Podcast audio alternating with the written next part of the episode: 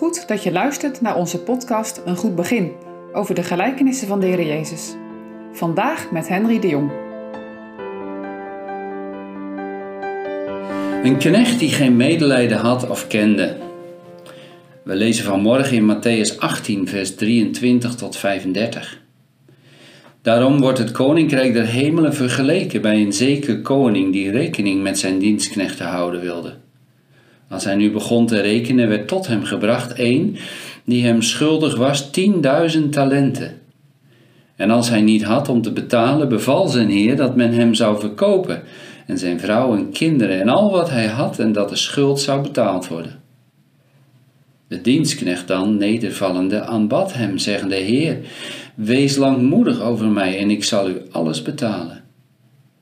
En de heer van deze dienstknecht, met barmhartigheid innerlijk bewogen zijnde, heeft hem ontslagen en de schuld hem kwijtgescholden. Maar dezelfde dienstknecht uitgaande heeft gevonden een zijner mededienstknechten die hem honderd penningen schuldig was, en hem aanvattende, greep hem bij de keel, zeggende, betaal mij wat gij schuldig zijt. Zijn mededienstknecht dan, nedervallende aan zijn voeten, bad hem, zeggende, Wees langmoedig over mij en ik zal u alles betalen. Doch hij wilde niet, maar ging heen en wierp hem in de gevangenis totdat hij de schuld zou betaald hebben. Als nu zijn mededienstknechten zagen hetgeen geschied was, zijn zij zeer bedroefd geworden en komende verklaarden zij hun heer al wat er geschied was. Toen heeft hem zijn heer tot zich geroepen en zeide tot hem, Gij boze dienstknecht, al die schuld heb ik u kwijtgescholden, terwijl gij mij gebeden hebt. Behoordet gij ook niet u over uw mededienstknecht ontfermen, gelijk ik ook mij over u ontfermd heb? En zijn heer vertorend zijnde leverde hem de pijnigers over, totdat hij zou betaald hebben al wat hij hem schuldig was. Alzo zal ook mijn hemelse Vader u doen indien gij niet van harte vergeeft en iegelijk zijn broeder zijn misdaden. Gisteren spraken we er al even over vergeving in het gedeelte dat voorafging aan de gelijkenis van de onnutte dienstknecht. En vandaag komt dit thema weer terug. Nu naar aanleiding van een vraag van Petrus. Een vraag die wordt gesteld voor het gelezen gedeelte uit van deze morgen. Heren, Hoeveel keer moet ik mijn broeder, en daar hoort natuurlijk ook zuster bij, vergeven? Weet jij wat het antwoord was van de Heer Jezus?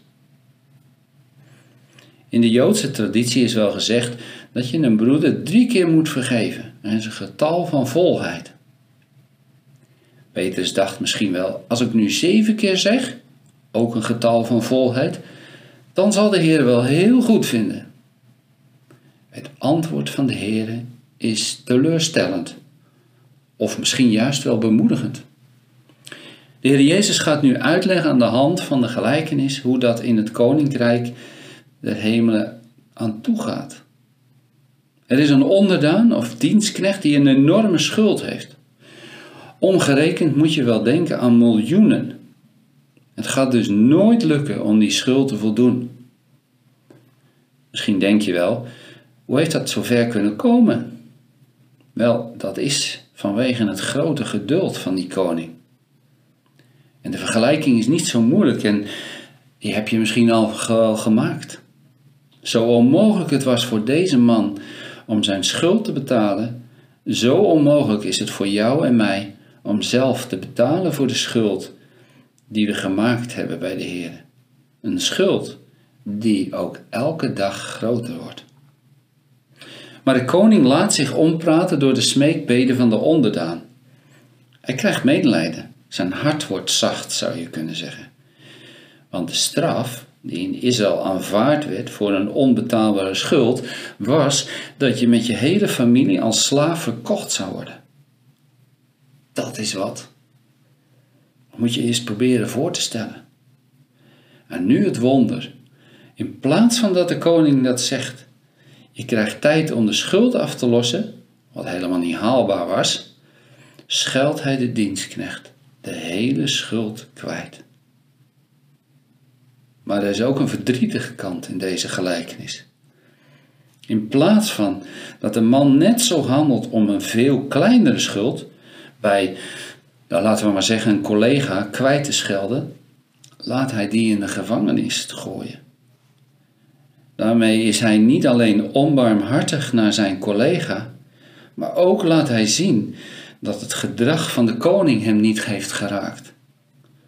Terwijl de koning uit liefde en medelijden hem de schuld kwijtschold, deed hij op zijn beurt het tegenovergestelde.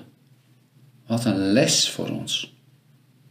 Echte vergevingsgezindheid leer je als je zelf ervaart en hebt ervaren hoe vergevingsgezind de Heer is. Maar in deze gelijkenis ging het helaas anders. Het moet jou en mij opscherpen. Hoe vergevingsgezind zijn wij voor anderen, ook voor de kleinste dingen. We lazen dat de koning zeer boos vertoond was. Het was een verachten van zijn liefde. Als je zo leeft, dan kun je in het koninkrijk van God niet binnenkomen, zegt de Heer. Dan blijf je voor eigen rekening leven. Dat wil zeggen dat je je onbetaalde schuld meedraagt. Wat zou dat erg zijn? Gods liefde verachten wordt zwaar bestraft. Maar gelukkig is er ook een andere kant. Die wil ik je zo meteen laten horen. Nog even terug naar de vraag aan het begin van Petrus. Hoeveel keer moet ik mijn broeder vergeven? Weet je het antwoord dat de Heer Jezus aan Petrus gaf? 70 maal 7 maal. Oneindig veel dus. Zo is nu de Hemelse Vader. Hij vergeeft menigvuldig. Hoe vergevingsgezind ben jij? Hoeveel keer heeft Hij jou al vergeven? Is dat niet te meer een reden om Hem te aanbidden? Dan ga je samen met de dichter van Psalm 103 vast de volgende regels ook met verwondering meezingen. Of in je hart meedragen. Dan kun je het wonder niet bevatten dat God zo is. Ik lees je tot slot er een paar regels van voor. Hij is het die ons zijn vriendschap biedt. Hij handelt nooit met ons naar onze zonde, hoe zwaar, hoe lang wij ook zijn wetten schonden. Hij straft ons, maar naar onze zonde niet.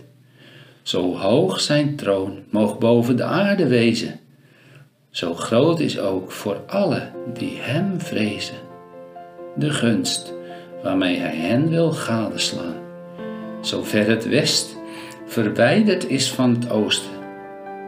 Zover heeft hij onze ziel te troosten, van ons de schuld en zonde weggedaan.